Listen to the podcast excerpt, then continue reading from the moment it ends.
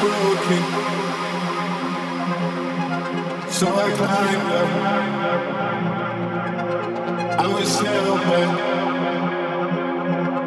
by my own mind.